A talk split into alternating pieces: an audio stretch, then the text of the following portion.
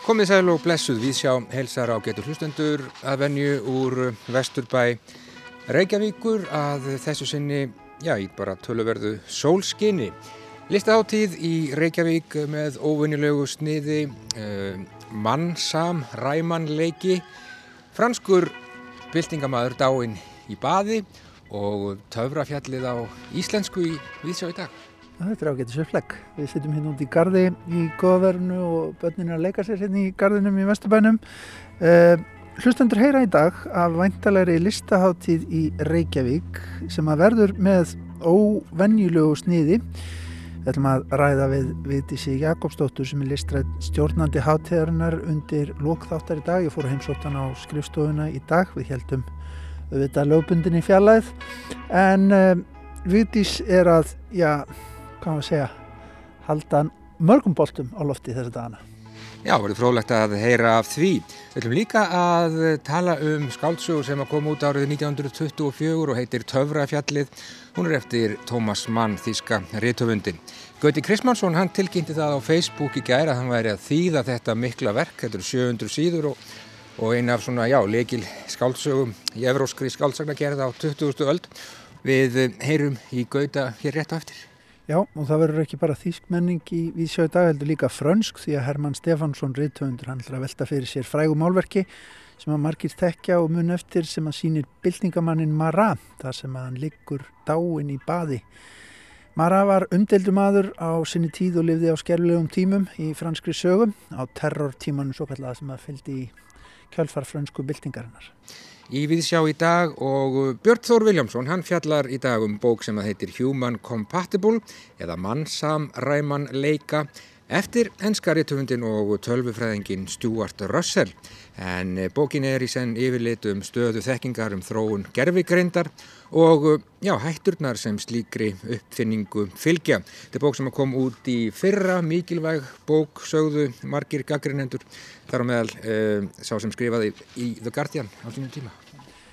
Og hlustendur heyra að venju ljóð fyrir þjóð í þættinum. Ljóð dagsinn sem best okkur úr þjóðlikursinu heitir Undalegt er að spyrja mennina og er eftir Nínu Björk Arnardóttur, það er leikonan Lára Jóhanna Jónsdóttir sem að les. Já, en uh, við skulum byrja á því að uh, bræða okkur austur í bæ og uh, já, raunar meir en það, við förum alla leið upp á Töfrafjallið og við tökum lestin.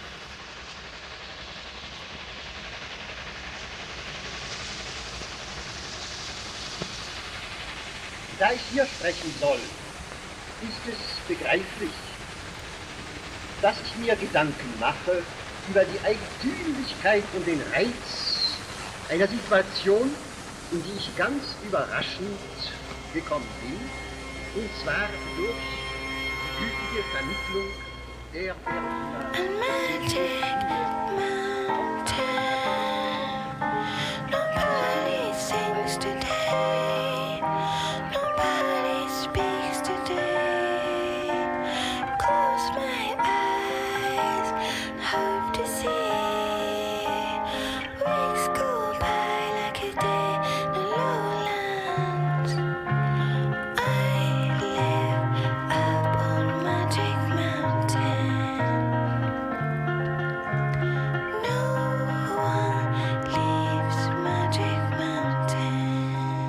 Já, ég komin hingað í austur borgina að gefnu tilefni. Þar situr góðvinnur Víðsjár, Gauti Krismansson, bókmyndagaggrinandi þáttarins sem að hefur nú fengið örlítið leifi hjá okkur, góðfúslega og ástæðin er einfallega svo að hann situr hér og er að þýða ansi merka bók.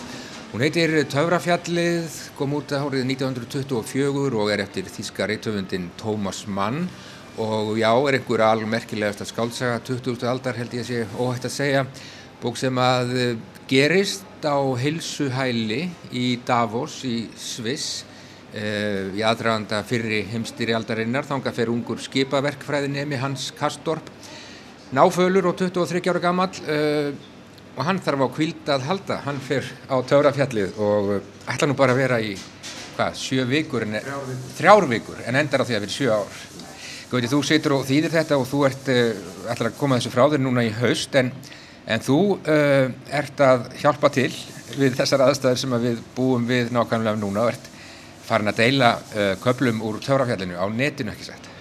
Jú, það sko, mér dætti þetta bara í huga því að ég hef svo gaman af, gaman af þessari vinnu, sko, þetta er svo skemmtilegt verk að þýða og, og það eru svo magnaði kaplar í því og svo, svo náttúrulega á þetta svo mikið erindi á okkar sóttar tímum, þetta er náttúrulega um stóru dreps á 20. aldar, Berklana, sem ungt fólk fjall í hrönnum og 20. og 19. ald líka, þannig að þetta svona tengir, tengir svolítið við, við okkar tíma finnst mér. Já, algjörlega beintengt. Bókin var, já, sagði það sem þurfti að segja árið 1924 og, og hvað þá núna?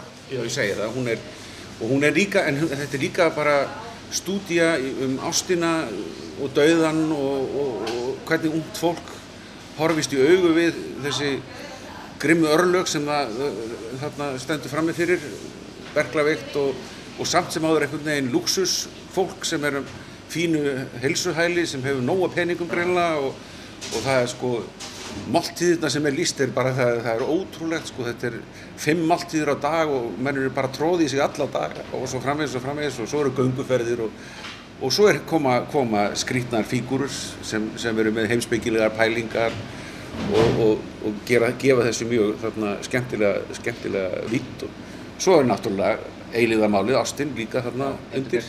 Já. Og þarna er, er það ekki uh, sjúkrahælið einhvers konar, uh, já, mikrokosmos fyrir, fyrir fársjúka Evrópu? Jú, þetta er einmitt, það er einmitt það líka mjög aðtilsvægt. Þetta er náttúrulega fólk allstaðar aður á Og, og það, þetta er einhvern veginn mynd af, og, og það, það, það er tekið aldrei fyrir, sko, hvernig, hvernig fólkið uh, talar hvað um annað og það, það er til dæmis eh, á sumum borðum alveg sér vonda rússaborðið og góða rússaborðið í matsalnum og svo framvegis og framvegis. Þannig að er, þetta er svona eins og, eins og smámynd af, af Evrópu þess tíma og þá var Evrópa einmitt í upplaust rétt fyrir, fyrir heimstyrjöld. Og bókin endar ekki sagt á því að, að söguhetjan Hans Kastorp, hann, hann fer í stríðið. Jú, hann, fer á, blóð- hann lætur lífið á blóðvöldanum í, í, eða það má allavega álíta það að, að hann láti lífið á blóðvöldanum í, í, í uh, Evrópu. Og þetta er alveg uh, stórkostlegt andrumsloft í þessari bók, uh, þó hann sé ekki að gera annað en að lýsa bara, já, göngutúrum sjúklingana eða því þegar Hans Kastorp sittur vafinn inn í teppi út, út á svölum. Já, já, sögumæðurinn er alveg ótrúlegur í þessari bók, sko. Hann, ég meina, er hann þarna, ég veit hann allt, hann er, samt, hann er inn í höfðun og hans, hann er líka þarna utan við og hann er, að, hann er sjálfur að pæla, ég tala við okkur lesendur eins og, við séum svona samræðu aðili, sko. En hann er að reyna að brjóta þetta merkjar og veginn okkur- til ástræðinu lífsins, dauðans sérstaklega og, og þarna, og hvernig, hvernig við tökumst á við þessi, þessi, þessi erfiðu mál sem, sem þarna snert okkur samt alltaf öll. Já, og Tómas Mann var náttúrulega snillingur í því að skrifa um já, hnignun og uh, afturför að ég tala nú ekki um uh, sjúkleika það þekki að þetta margir uh, nóvöluna Dauðan í fennu sem kom á undan þessari bók. Já, já. Já, það er náttúrulega sko, það, það er mjög aðtilsverðar pælingar í sambandi við sko sjúkleikan og sjúkdóminn og hver er sjúkdómurinn sko. Og einum stað er heldur, heldur uh, sálarkrifjandi því fram sko að, að sjúkdómurinn sé í raun og veru afleiðing bældrar ástar. Það er mikil tókstreita í, í, í þessu en, en það er svona, þegar maður fyrir að hugsa um hva, hvað eru sjúkdómar, hvernig, hva, hvernig spretta þeir fram? Þetta á aldeilis erindi við okkur núna Gauti uh, já, ég hlýt að spyrja þig hvernig í óskupunum ferðu að því að, að þýða þessa bók Tómas Mann er ekki er ekki einfaldur höfundur að lesa, hann skrifaði flóknar setningar og langar setningar uh, er þetta hægt? Já, já, já, þetta er alveg hægt. Ég, þarna, sko, ég hef nú búin að vera með þessari bók í, uh, sko, í uh, sjö ári í strámyndi við leiðangurinn á Tárafjallið sem, sem hefur verið svona notað hana sem, sem miðpunkt í sínum svona listrænu gjörningum. Já. sem er svona hópur þerrfaglegur hópur skulum við segja sem að, sem að er að hugsa um þessa bók. Þannig að ég, ég er búin að vera að gramsa í þessu og ég er búin að þýða svona hér og þar úr henni fyrir svona eh, fyr- þarna, viðbyrði og allt það. En uh, sko í, þýskan og íslenskan eru ekkert svo ólík í, í setningabingu eða sem maður getur leift sér mjög margt í íslensku sem, sem, sem kemur úr þýskunni. En, en það er ekki þess að, það þarf ekki alltaf að vera með sko aðalsetningar, aðalsetningar, aðalsetningar sko. Þú ætlar að klára þetta bara núna í haust en ert eins og áður segir uh, byrjaður að deila þessu með okkur. Hvert geta hlustendur farið til þess að lesa uh, kabla úr, úr Tárafjalli Tómasson mann á, á íslensku? Já, það verður ekki heilu kaplarnir sko, en, en það verða glefsur og þetta verður bara Facebook vegnum mínum sko og, þarna, og það er op, opinn aðgangur held ég, heiti, að Já, þú hendur það. já, ég, ég pæla aldrei í þessum stillingum en ég skal kanna það. Já. og þarna, það verður bara Facebook vegnum mínum og það koma svona glefsur sko. Og ég vona að menn láti sér ekki bregða þegar talaður um þarna, deyjandi fólk af farsóttum, það, það er bara fylgir þeim. Og það þarf náttúrulega ekki að spyrja þig, uh, þýðingafræðingin, um uh, mikilvægi þess að koma uh, svona verki út á, á íslensku, það, er, það skiptir máli. Já, ég meina, ég hef oft röflað um það þarna, sko, að uh, það sé mjög mörg gött í íslenskri menning, í íslensku menningar flíkum ef ég morða það svo og, og þetta fyllir upp í eitt gatið og þetta er eins og þú sagðir sjálfur á þann að þetta er einn ein stærsta og mikilvægasta skálsaga eh, bara e Evrópu, eh, Vesturlanda á 20. öld, öruglega Þýskalands og þarna það, við þurfum að eiga hann á íslensku að sjálfsögðu. sjálfsögðu. Uh, ég ætla ekki að tröfla þig lengur, Gauti Kristmannsson, uh, haltu þig að verki og haltu áfram að, að þýða töfrafjallið eftir, eftir Tómas Mann. Ég hlakka til að lesa glefsutnar og ég hlakka til að sjá verkið þegar það kemur út í heildsinni í haust og þá getur við vonandi afturfærið að sinna gaggrinni fyrir okkur hér í Víðsjón. Gangið vel og takk. Takk sömulegis, ég lofa því.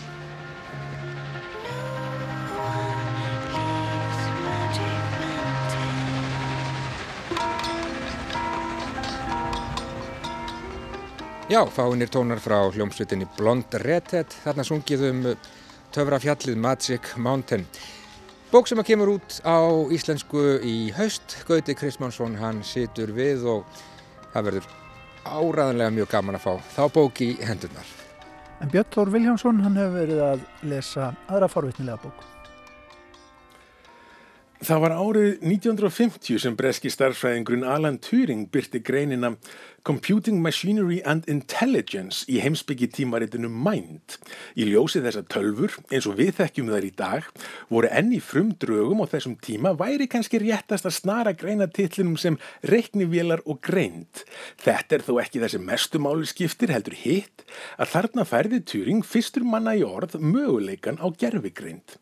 Til að draga upp mynd af því sem hann hafði í huga, setti Turing fram hugmyndum próf sem sviðsetja mætti millir tveggja einstaklega einstaklinga og vélar. Einstaklingarnir tveir voru stjórnandi og þáttakandi og það vald svo á stjórnandanum að gera greinarmun á mannlega þáttakandanum og vélinni með því að leggja fram röð spurninga og meta svo svörin. Tækist það ekki, tækist ekki að gera greinamun á manni og tölvu, mætti telja vélina búið við greind sem áþekk væri mannlegri greind. Sjálfur vísaði Turing til leiksins sem þarna er leikin sem eftirhermu leiksins eða The Imitation Game en í framaldinu hefur leikurinn verið kendur við Turing-prófið og er það vafalust þekktasta framlag Turings til samvitundar menningarinnar. Um það hefur verið rætt fram og tilbaka, auk þess sem það byrtist með nokkuð beinum hætti sem Voight Kampf prófið í kvikmyndinni Blade Runner. Fjölmart annað er auðvitað að finna í greininni en í einum kaplanum lítur Turing fram á veginn og spáir því að gerfigreind verði orðina dagfarslegu fyrirbæri eftir 50 ár eða árið 2000. Fólk og eftir að geta talað um gerfigreind án þess að eiga von á því að orð þeirra verið drein í efa, segir hann. Ekki gekk það nú alveg eftir, árið 2000 kom og fór án framkomu gerfigreindar og 20 árum síðar eru menn orðin varkárir mjög þegar að yfirlýsingum kemur um tímasetningar. Að sama skap eru flestir vísindamenn sem um málið tjá sig bísna sannfærðir um að að því komi, að komandi veruleiki gerfigreindarinnar sé óumflíjanleg staðrind. Eitt þeirra er Stuart Russell en bók hans Human Comparable eða mannsamræmanleiki kom út í fyrra og gerir gerfigreindað viðfóngsefni, núverandi þekking á sviðinu, jamt og framtíðarhorfur. Þetta er bók sem er hugsu fyrir en almenna lesanda og gefur að mínu viti afskaplega greina góða yfir sín yfir málaflokkin, en það kennivald Donald Russells á sviðinu bísna tilkomu mikið.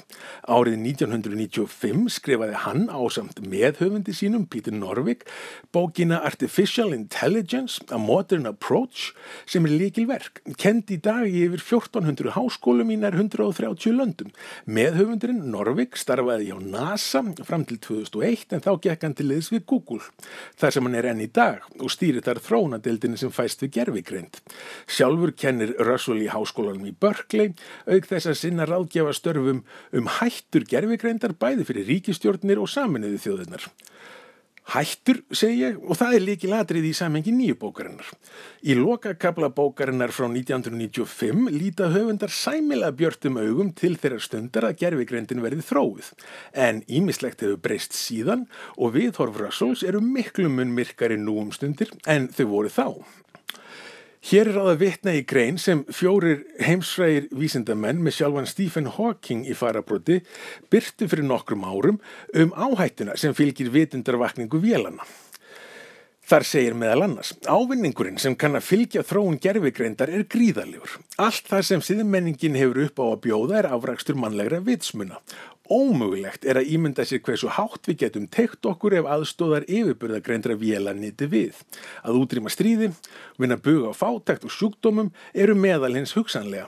Takist að skapa vélar með gerfigreind teldist að merkasti viðburður mannkinsögunar. Því miður kynnan einnig að vera sá síðasti. Þessi orð endróma í upphafi mannsamræmanleika. Það sem Russell segir að ná sambandi við grein sem stæð okkur jafnvel mun framar yrði mikilvægasti viðburður mannkinsögunar.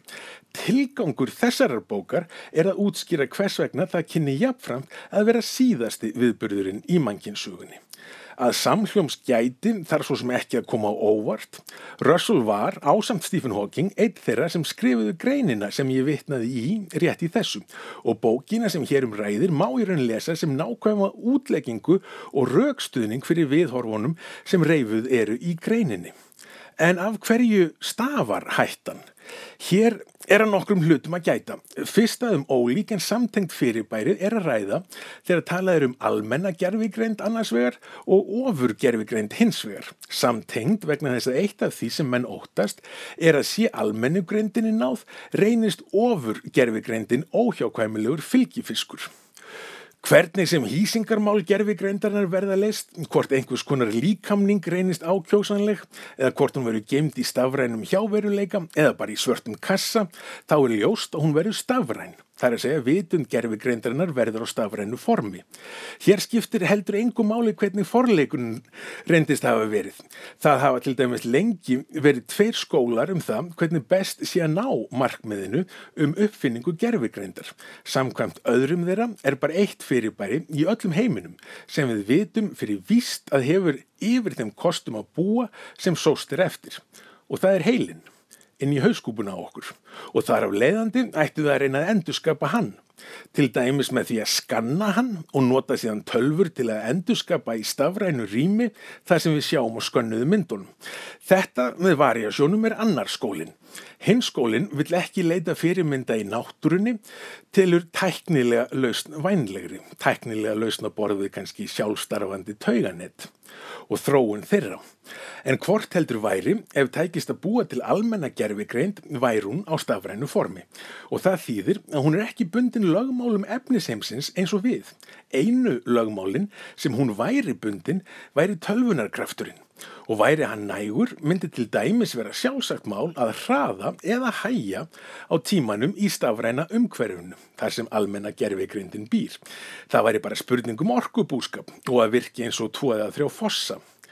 Hér skulum við svo huga aftur að almennu gerfigrindinni. Hún er áþekk mannlegri grind og þar með vitsmununum sem dugðu til að finna upp sjálfa gerfigrindina. Þessari greind, óttast menn, er þið fljótlega beint að grunnkóða hennar sjálfrar í þeim tilgangi að endurbætan. Það væri langt verkefni og stránt, en þar sem tíminn líður ekki eins og í raunheimum, kynni hann að vera mjög stuttur að okkar dómi. Og eftir því sem gerfigreindin hefur endurbætt sig meira, gerir hún það hraðar, allt þar til grunnkóðin er marg endurbættur og almennagreindin er orðin að ofur gerfigreind. Og hvað gerum við anspænis vitund sem er hugsanlega þúsundsinnum greindari en við? Hvað gerir þessi ofurvitund sjálf? Það er þarna sem óttinum framtíð mannkinsins tekur á sig mynd. Því bæði gæti þarna verið um vitundaræða sem okkur væri algjörlega framandi og svo kunna hagsmunur hennar eins og hún skilgrinni þá sjálf að vera mjög ólíkir hagsmunum mannkins. Það er í þessu samhengi sem henn nýja bók Stuarts Russells er kannski ekki síst forvitnileg. Mikið er um bölsinni nú eða transhumaníska utopíuhugsun í skrifum um gerfigreind. Minna ber hins vera á áþreifanlegum tillögum en síðustu kaplar, mannsamra mannleika, snúast einmitt um forvinnuna og forvartirnar sem reysa þarf áður en gerfigreindin kemur til sögunar og meðan á hönnun hennar stendur. Gegnir þar efinn líki hlutverki. Við verðum að byggja evasemtir inn í gerfigreindina. Evasemtir um markmið gerfigreindarinnar. Að mati Russell væri það aðeins undir slíkum kringumstæðum þegar gerfigreindin veit ekki alveg í hvort fótinn hún á að stíga sem hún myndi leifa að slögt væri á sér. Saði Björn Þór Viljánsson um bókina Human Compatible eða Mann samanræman leiki eftir Stuart Russell. Já, svolítið erfitt orð, mann, sam, ræman, leiki. en hérna frá þessu förum við, já, til Fraklands. Franskur byltingamæður, dáinn í baði á frægu málverki. Herman Stefánsson.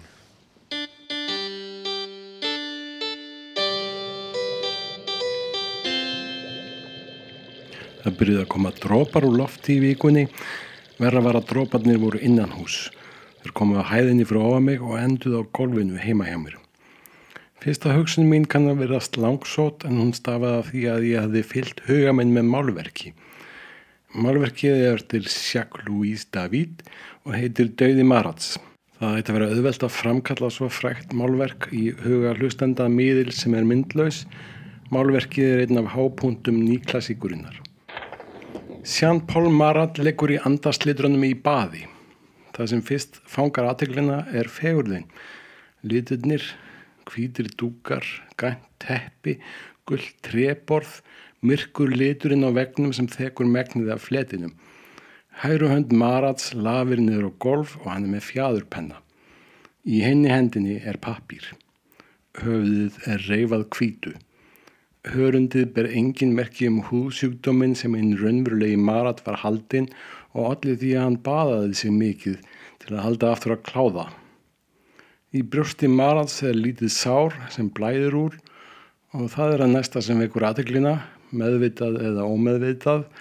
Marat er kristgerfingur. Sárið er vísun í síðusár krist, þetta er helgimynd.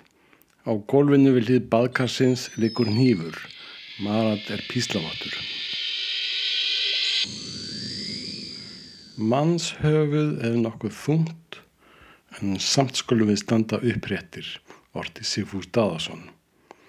Höfuð konunnar er ekki þungt, bergmálaði Ingibjörg Haraldsdóttir síðar, heldur að það mjallkvítur, dunmjúkur naðri sem ímist siglir á skærbláum sundags himni og hlær eða hangir sigur kvítt á snúru.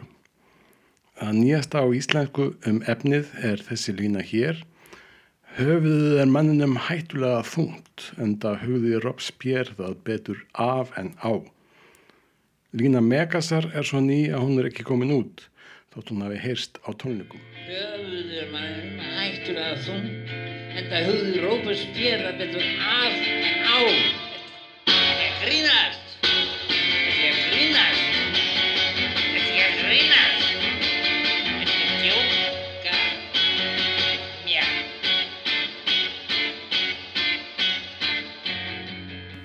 Nokkrum mánuðum eftir morðið á Marat í fönsku byltingunni málaði Jacques-Louis David verkið sem gerði Marat umsvega löst að píslavotti byltingarinnar, trúlaus sem hún þó var. Það er ástæða fyrir því að einmitt slík tegund af döðdaga, morð með nýfi, var fyrir valinu sem helgimynd rótakra byltinga sinna en ekki fallöksinn. Fallöksinn var ekki það táknum grimd sem hún virðist í dag Hún var þetta móti táknum mannúð og mildi stjórnvalda þegar hún var fundin upp. Dauðarefsingar voru staðrend og heldu áfram að vera það í Fraklandi til ásins 1981. Enda þótt Maximilien Robespierre væri framann af ansnúin dauðarefsingum þótti fallöksin fljótleg og miskunnsum aðferð til að rinda þeim í framkvæmt. Kvalalauð stöðdægi, snirtilegur og fumlaus og vel til þess fallin að vera ofinber aðhöfn.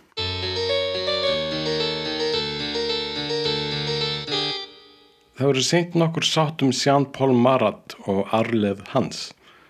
Annarkvort er hann sagður byltingar hetja og merkur hugsuður, einn af þeim sem þrátt fyrir allt færði nútímanum sínar gufugustu hugssjónir um frelsi, jafnbrytti og bræðaralag, réttlæti, mannréttindi og líðræði, svo ekki sér talað um skinnsemi, eða þá að hann er blóðþyrstur múæþingamæður, sorp bladamaður af alverstu sort. Eitt er víst, ef hann var sorpbladamaður var hann ofenju mentaður sorpbladamaður. Einn klísjanum Marat segir að hann hafi verið mishefnaði fræðmaður sem allatíð var þjakaður af beskju yfir að hljóta ekki náð og verðskuldaði virðingu fyrir akademíunni. Hann var sem sé vísindamaður áður en hann var bladamaður og byltingarsinni og hann var líka stjórnmálamaður, valdsmaður. Það má kannski segja að hann hafi verið einn þeirra sem líta áfram á sig sem uppristnamenn eftir að þeir verða valdsmenn, skipta ekki um sjálfsmynd, halda áfram með sömu aðsóknarkend og sömu minnipókamennskuna, eru áfram með steiktan nefa upp á við og andofi brjósti þrátt fyrir að hafa öðlast bæði áhrif og vald. Mikið af bladaskrifum Marats snýst einfallega um mál sem voru í deglunni en eru nú löngu glemt og ekki á færi nema sérfröðra átt að sé almenlega á. Önnur eru þekktari, skrif hans voru einn róta kvennagöngunar til Versala eða bröðgöngunar svokulluðu sem vísindamöður vildi hann frá upphafi ná eirum almennings. Fyrsta bók hans heitir Ritgerðum mannssálina Í aðfarraorðum segir hann efnið splungu nýtt þrátt fyrir alla bækurnar sem hefur verið skrifaður um það og bæti við að ef frumspekkileg rít reynist þurr, þreytandi og óáhugaverð aflestrar sé það sök höfundana en ekki óhjákvæmulegur fylgifiskur umfyllunarefnið sinns. Bókin floppaði, pólitísk rítgerð hlekkir þrældómsins varð vinsalli. Meðan hann vann fyrir sér sem hyrðleiknir fyrir aristokrata kom hann upp tilrunarstofu og byrti niðurstöðunar í uppvöldunum herra Marat sem eðli elds, ramags og ljós. Í riti sínu uppvöldanir um ljós höfðist Marast sína fram á að í nokkrum líkilatriðum höfði Newton haft ránt fyrir sér. Frumlitirnir væri til að mynda þrýr en ekki sjö eins og Newton hjælt fram. Að veðfengja Newton var á þeim tíma hið versta kirkjubrott. Akademían neitað að votta rannsóknir herra Marats. Það er komist fram hjá reytskoðun með prentun í London og þeim fylgdi ekki konunglegt vísindarsamtiki. Frumleitirnir eru reyndar þrýr. Þó versnar heldur í því þegar Marat gerist bladamaður á byltingatímum. Bladaskrifanns byrjuðu temmilega en urðu taumlausari þegar hann þótti byltingarstjórnin ekki hlusta. Hann leggur ótröðu til að hinnir og þessir verðlefnir sæta refsingu tíma sem þó gat af sér nútíma hugmyndir um betrun þar að segja verði hálshögnir. En fer lengi framan af eftir ákveðinni pólitískri taktík um hverjir það séu eða þar til hann snýr sér að innri óvinnum. Bæklingar hans, blöð og vegspjöld, einhverjum dagblaði vínur fólksins, verða fátama vinsal meðal almennings og halda fram rétti lástittana gagvart ofríki óvinna fólksins. Marat setur um síður fram ákveðna valnauð. Fólkið geti valið um hvort að kjósi að hálsögva 300-700 manns af aðli og borgarastétt eða falli í valin sjálft fyrir tilstilli andbyltingarlegra abla, landráða, samkrulls við erlend öfl. Hann þurfti reglulega að flýja og fara í felur og blaði var gert upptækt. Ef einhver fyrða sig á þeirri fornægskjölu aðförð að tjáningafrælsinu má minna á 118. grein almennra hegningarlaga á Íslandi. Ef maður kemur af stað upplöpi í því skinnið að beita menn eða muni ofbeldi eða ógna með að því verði beitt, þá varðar það fangelsi alltaf þremur árum. Slík klausa getur auðvitað komið sér illa ef maður er með í bakvandinni lista yfir fólk sem manni þætti gustugaverka erði hálsökvið. Þannig lista var Marat einmitt með og hann lengdist í sífellu eftir því sem áleið, eftir að búið að vera hálsökva bæði kongin og drottninguna. Septembermorðin 1792 voru hápundurinn, vel á annað þúsund manns voru myrt á nokkrum dögum. Höfuður mann hættur að þungt, enda hugði Róbespierre betur af en á. Robespierre var komin á þá línu með Marat að hálsökva sem flesta, en konan okkur Charlotte Corday var á annari skoðun. Ef vel er ringt í málverkið af döða Marats má sjá nafn hennar á blaðinu sem hann heldur á í vinstri hendi. Hún var þó ekki andbildingar sinni, heldur hafði snúist á sveif með gírondínum gegn Jakobínum eins og Marat í innbyggðis átökum. Marat hafði kvart mjög til þess í blaði sínu að grísjað veri hraustlega í röðum gírondína sem ógnarstjórn fjallbúa lét síðan af verða með stunningi Jakobína. Charlotte Corday náði fundum Marats með því að segjast hafa nokkur nöfn í handlaðanum til að bæta við listan yfir kandidata fyrir fallöksina. Fyrir því var Marat svag. Svo stakk hún hann til döðs í baðkari sem leitt reyndar ekki út eins og karið á málverki Jacques-Louis David heldur var í lægin eins og stífvel og gekk kaupum og sölum eftir döðans og er enn til. Nývin skildi Charlotte Corday eftir í sárunu, hann dætt ekki í gólfið. En þótt Corday sé hverkið að sjá á málverki Jacques-Louis David, beigði hún róleg við liðan á badkarinu eftir að vera handekinn, sem hún og var, og svo var hann hálsökvinn stuttu síðar. Ég myrti einn mann til að bjarga lífi hundrað þúsund manns, sað hún við réttarhaldin. Svo fyrirætlan hennar mistókst.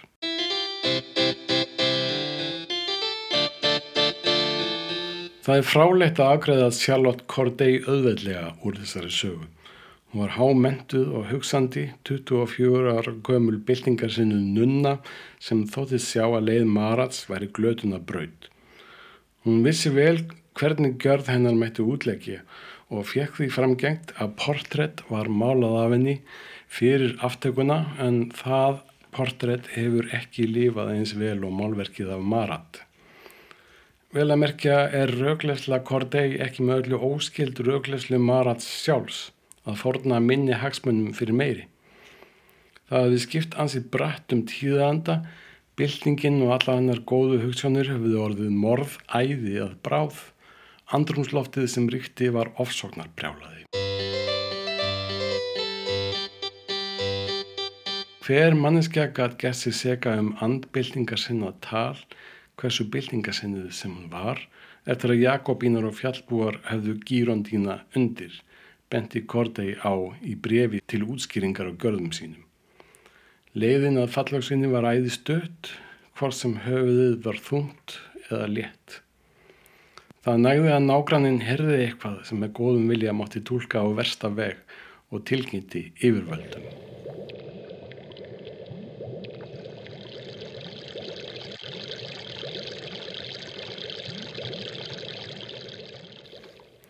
Andrumsloftið í kringum morðið á Marat og aftökuna á Corday var með öðrum orðum anstaðan við nýju samlíðanina sem fer eins og hlýr andværi um samfélögin í dag. Sjálfur allir ekki draga nokkur lærdom af neinu í sögunni, annan en þann að hvort sem okkur líka betur að verð er málverk Jacques-Louis David hluti af menningu okkar sem og arfleði fransku byltingarinnar. Það byrjaði að koma drópar úr lofti í vikunni, maður mér þetta verra að þeir voru innanhús, komið að hæðinni fyrir ofað mig og endið á gólfinu. Ég raug til aðstóðar. Dróparnir reyndust ekki hættulegur en svo að þeir kvölduð á símtal við stíplu þjónustu. Ég laði svo bara á meitt græna eira. Í svefnróanum fekk ég þó bjart sínu hugljómun að samtíminn enkendist að því að það er tvær andstæður sem tókast á í mannshuganum rögvísin og tilneying til órögvísi, anstæður sem verða að tókast á svo hugurinn þeitist ekki stjórnlust í aðra hvora áttina, að þessar anstæður væru eins og sækir standa í ofinnu góðu jafnvægi. Ég get ekki skýrt þetta betur að svo búnu. Það hefur lekið í fleiri húsum. Við lifum ekki á fordamælisum tímum heldur í sögulegri samfellu.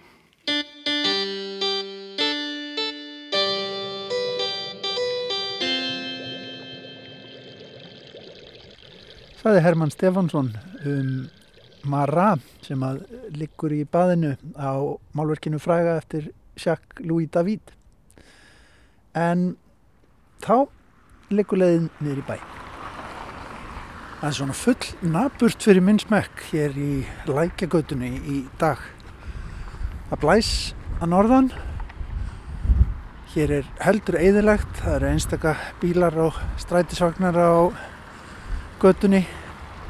En það er verið að byggja hótel og það er verið að leggja gangstjættarhellur. Þannig að þetta er ekki alveg búið. Bráðum kemur betri tíð með blóm í haga, sagði skáldið. Sætar langa sumardaga og það kemur líka listaháttíð í Reykjavík. Við ætlum að fara í heimsókn á skrifstofu listaháttíðar sem verður haldinn.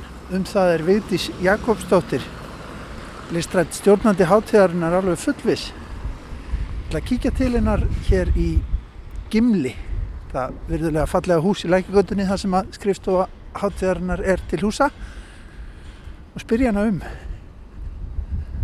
háttíðina og já, alls konar flækjusteg sem er að koma upp þessa dagana. Það verður gott að komast inn í klíuna.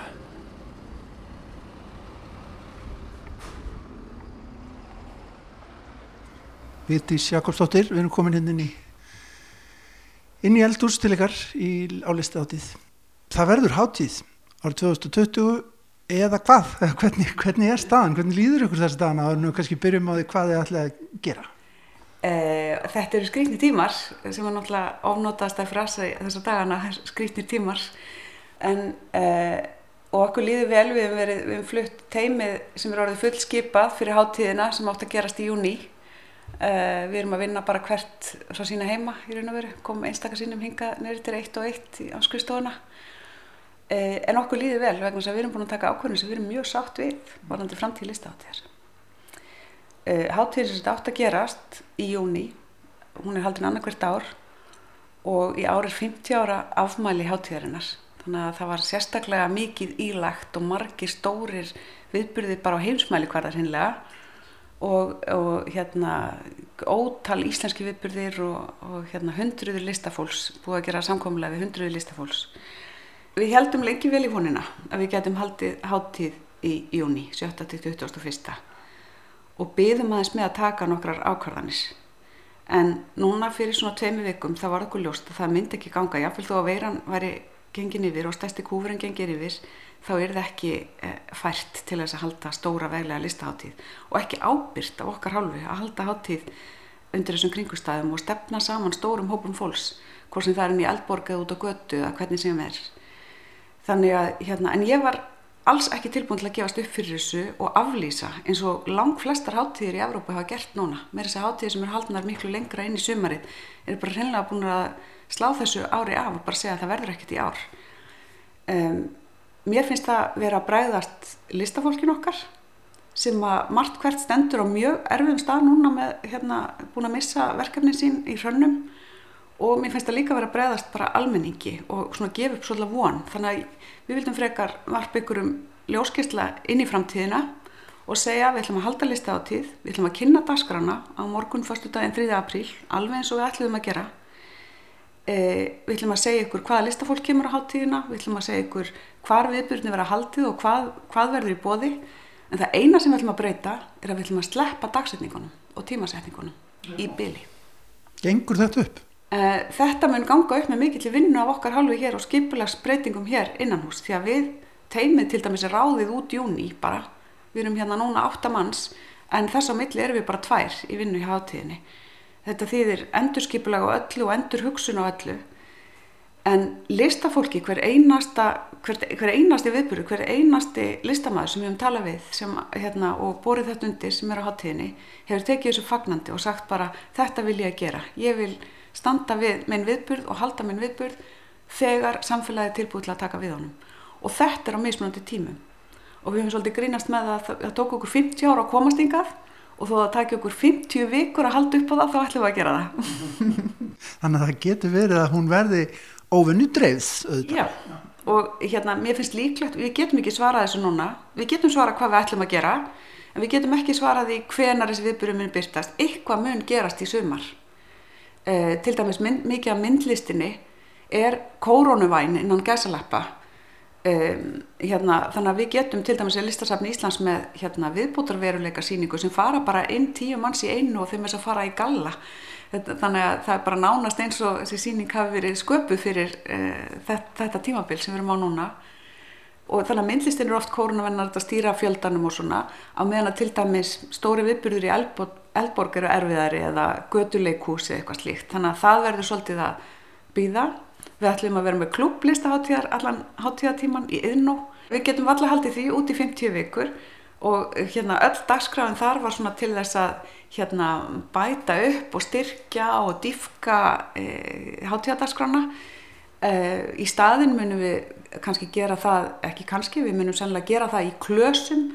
Þannig að þú klúpur lista á til svona vakni til lífsins hérna við og við og það verður svona hérna klasara viðbyrðum í yðnó Um, já, þannig að þetta er svona leiðin okkar. Þannig að þetta er algjör óvisa þetta eru miklu óvisa tímar og þetta er hérna hátíð óvisunar nema við vitum hvað við ætlum að gera. Kórunuvæn myndlist segiru eh, og þetta listalífið og þú ert í miklum tengslum við listamenn út um, við um heim og sko það skelfur runni, ekki satt? Jú, og þetta er allra, allra verst fyrir grasrótin okkar og fyrir listafólki sem er á jæðrinum og listafólki sem er ekki stopnanatengt og ekki er bara algjörlega á eigin vegum og sjálfstætt. Þetta er alveg hjarta listarinnar er þannig hjá þessu fólki. Og þegar það getur bara hreinlega og það var, það, þú veist, í raun og veru oft kannski framfæra sér á mjög litlu og nú er það bara horfið í einu vettvangi. Og ég hef talað við listafólk allt frá sko Grænlandi til Indlands, Spáni og viðar sem er í þessari stöðu og, hérna, og Ástralíu þau eru bara, hérna, þau eru komið svona GoFundMe síður sum sem eru svona eins og Karolínu fundið þannig bara til þess að bara lifa af. Þetta er ríkaleg staða. En hérna bjartsýnismanneskjan ég er hins vegar einhvern veginn líka á þeim stað að segja þetta mun færa okkur eitthvað líka til lengri tíma litið. En hér og nú þarf að gera eitthvað fyrir þetta listafólk. Og mér finnst listahátti vera axla ábyrð með því að svík ekki samninga sína við listafólki sem var búið að gera. Þó við hefðum geta gert það í ljósi einhverja svona klausa sem heita force majeure að þá, hérna, þá ætlum við ekki að gera það. Við ætlum að standa við okkar.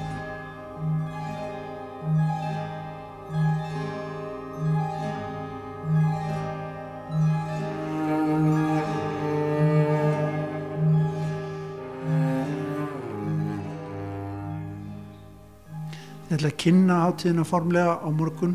Já. Hvað ætlar að kynna? Ég ætlum að kynna alls konar skemmtilegt. Þema hátíðarinnar er heimar sem er svona sístu sem, þema síðustu hátíðar sem var heima og heimar horfið svona út af og það er kannski bara mjög viðegandi núna á þessum tímapunkti og innan þessa þema er eins og heimar mætast og það getur verið heimar mismunandi listgreina en það getur líka verið bara bókstaflega ólíkir heimar, ólíkir heimslutar, ólík hugmyndafræði og hérna við erum líka að hugsa um makró og mikró, þetta stæsta bara horfa út í geiminn og horfa niður í það allra smæsta.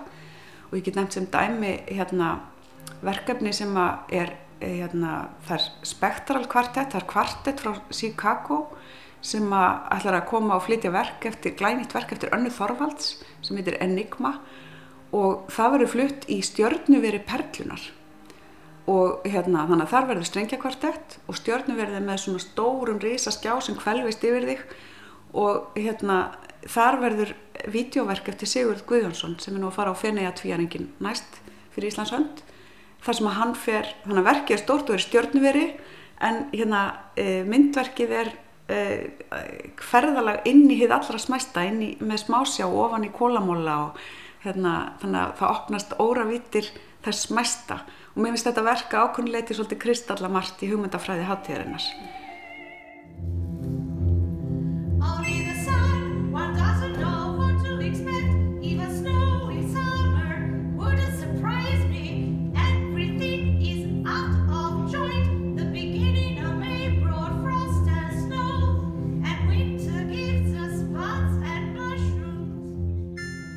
Og talandi um Feneyjatvíaringin, að það var kannski stóra bomban okkar að e, við erum búin að gera samkomulag við, vorum búin að gera samkomulag við hérna, e, Sigur verkið á Feneyjatvíaringnum síðast sem að heitir Sun and Sea Marina og er litáíski skálinn og fekk sem sagt aðalvelunin Gildaljónið á Feneyjatvíaringnum og er risavaksi verkefni sem krefst sko 100 sjálfbúðaliða ofan á stóran hóp sem ferðast frá Litáin og við ætlum að setja upp manngerða strönd í porti listasafsins, 500 fermetra strönd.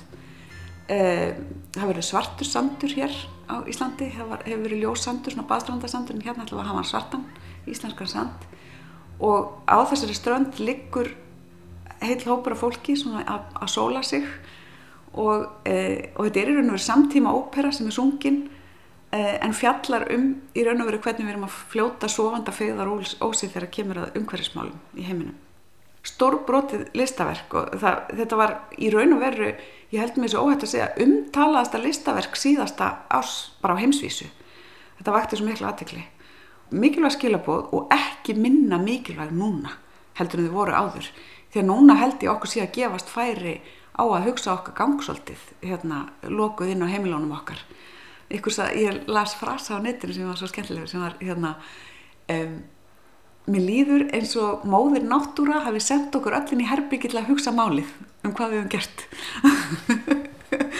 Og þetta verk er svolítið svoleiðis þannig að það er hérna og það kallast á við Wagner-óperuna það er svona horfir aftur til fortíðar Valkyrjan sem horfir í svona hérna, menningararfin okkar hérna, e, okkar svona sagnaarf Það er stort amalisverkefni með symfóníunni, ekki? Já, og óperunni. Og hérna, symfóníun og óperun eru bæði í raun að vera að fagna stóramælum eins og við um þessa myndir og þetta var svona sameilegt verkefni. Þetta er auðvitað eins og annað, komið svolítið upp í loft, þetta átt að frumflýtast núna í lok mæ, en ekki meir upp í loft en það, við ætlum að gera þetta ykkur tíman á næstunni.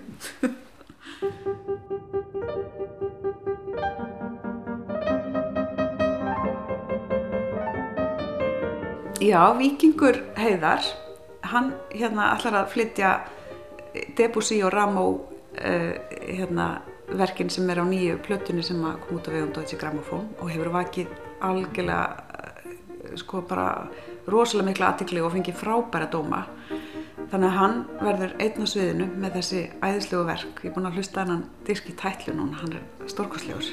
Hann býður bara í startólunum eins og aðrir. Tilbúið með sitt og við erum bara, við erum bara anda inn í þetta listaháttíð og allir henni viðbyrjunni líka sem ég er ekki að nefna þeir eru svo ótalmargir við öndum bara með nefinu núna og við ætlum okkur að gera þetta. Og núna fram að því og mér langar til að nefna sko dagskráðan sem byrtist á morgun fyrstu dag og á og við erum svona í flýti búin að kasta í svona postlista system þar sem að um, fólk getur skráð sig og haka við þá viðbúri sem það vil fylgjast með. Og um leið og dagsetningi gefin út fyrir þann viðburð þá færðu tölupost. Þannig að þú, þannig að þú missir öruglega ekki afneinu þó þetta sé svona dreift. Þá var svolítið umhugað um þessa þjónustu við almenning. Þannig að hérna við bara hvetjum fólk til þess að skrá sig strax að viðburði sem það hefur áhuga á. Því að sund getur gerst bara strax í sumar. Og jafnvel á tímanu sem hátíðin átt að vera í jóni að meðan annað mun mun dragast og við verum bara, það er bara undir þessari veiru og framþróun hennar komið hvernig, hvernig það fer. En svona logistíski púkin í mér kemur kannski upp og spyr sko hvernig er með bara að kaupa miða? Við setjum ekki miðana í sölu fyrir en dagsetningin er komin. Það er bara svo einfalt. Þannig að um leið og dagsetningin er först þá er hérna miðarnir settir í sölu. Settir í sölu. Tölur fjöldi af þessum viðbyrjum er líka bara ókipis það er bara heilmikið á dagskrá listaháttíðar sem er ókipis og hérna, ég kveit fólk til að nýta sér það líka þegar við vitum líka að nú erum við að sigla inn í kreppu hérna, djúpa kreppu og aftur snýr þetta ábyrð listaháttíðar á svona tímapunkti. Og við höfum verið meðvituð um það að, staða fólks er mismunandi og við viljum að listaháttíð sé fyrir alla. Og í kjarna stefnu listaháttíða núna er að list er ekki forréttindi farra heldur réttindi allra í ljósi þess að þá höldum við miðaverði í lámarki, miðaverði er almennt til dæmis bara svipa að vara á hátíðinni 2007 og, hérna, og fyrir 2007 en þess utan að þá bara er mjög mikið af dagskrá sem er annarkort mjög ódýr eða ókipis og við erum með veglega fjölskyldu dagskrá. Allt frá sko nýsirkur sem kemur frá Ástralíu sem er svona akrobatískir alveg snillingar. Og í, í danssýningu sem er fyrir ungabött fyrir 0-12 mánada og hérna, stórkostlu serbnesk sænsk listakonna sem að hérna, ferðast um heiminn með þessa dásemt og það verður frumsýning á nýju íslensku barnaverki líka leikverki sem er með tónlist og, hérna, og myndlist svona samofið. Þannig að við erum bara þetta prógram er dundur það er bara spurning hvernig það kemur.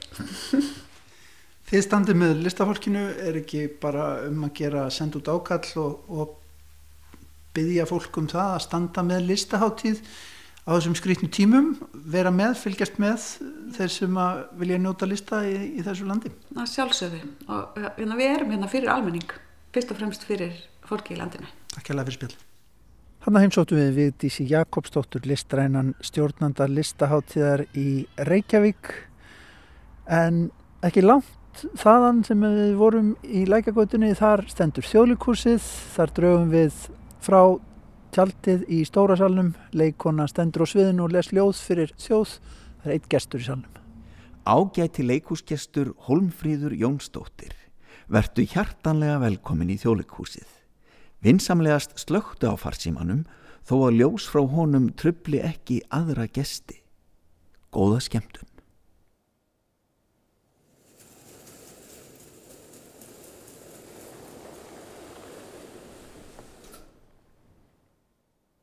Undarlegt er að spyrja mennina eftir Nínu Björk Árnadóttur.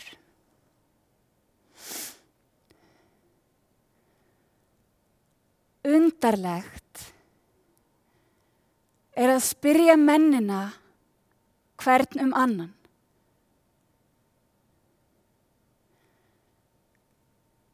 Undarlegt að spyrja þá um friðin. Um ástina.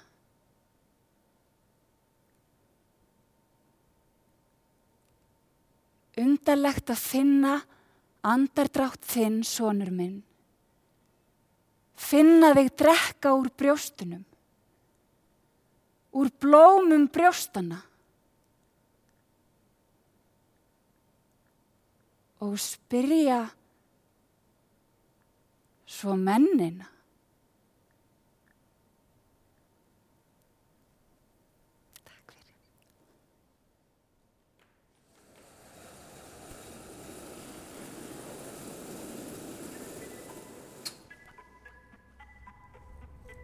Þarna las Lára Jóhanna Jónsdóttir ljóðið undarlegt er að spyrja mennina eftir Nínu Björk Árnadóttur fyrir einn gest í Stóra Sal Þjóðlíkusins. Já, gaman að fá ljóð eftir Nínu. Við verðum hér aftur á þriðjúdag, löst eftir klukkan fjögur. Við minnum á það að það er verið að sapna sögum úr kófinu. Hlustundur geta sendt sögur, dagbókarbrot, frásagnir, hljóðbrot líka til okkar hér á uh, Rás 1 og það verður síðan unnið úr þessu hefni síðar í dagskrá Rásarennar um að gera að hvetja fólk til að taka þátt. Já, svo náttúrulega ljúka þetta í dag í góðverðinu, hveðjum hérna fjardarhanum. Takk fyrir samfélgina, verið sæl.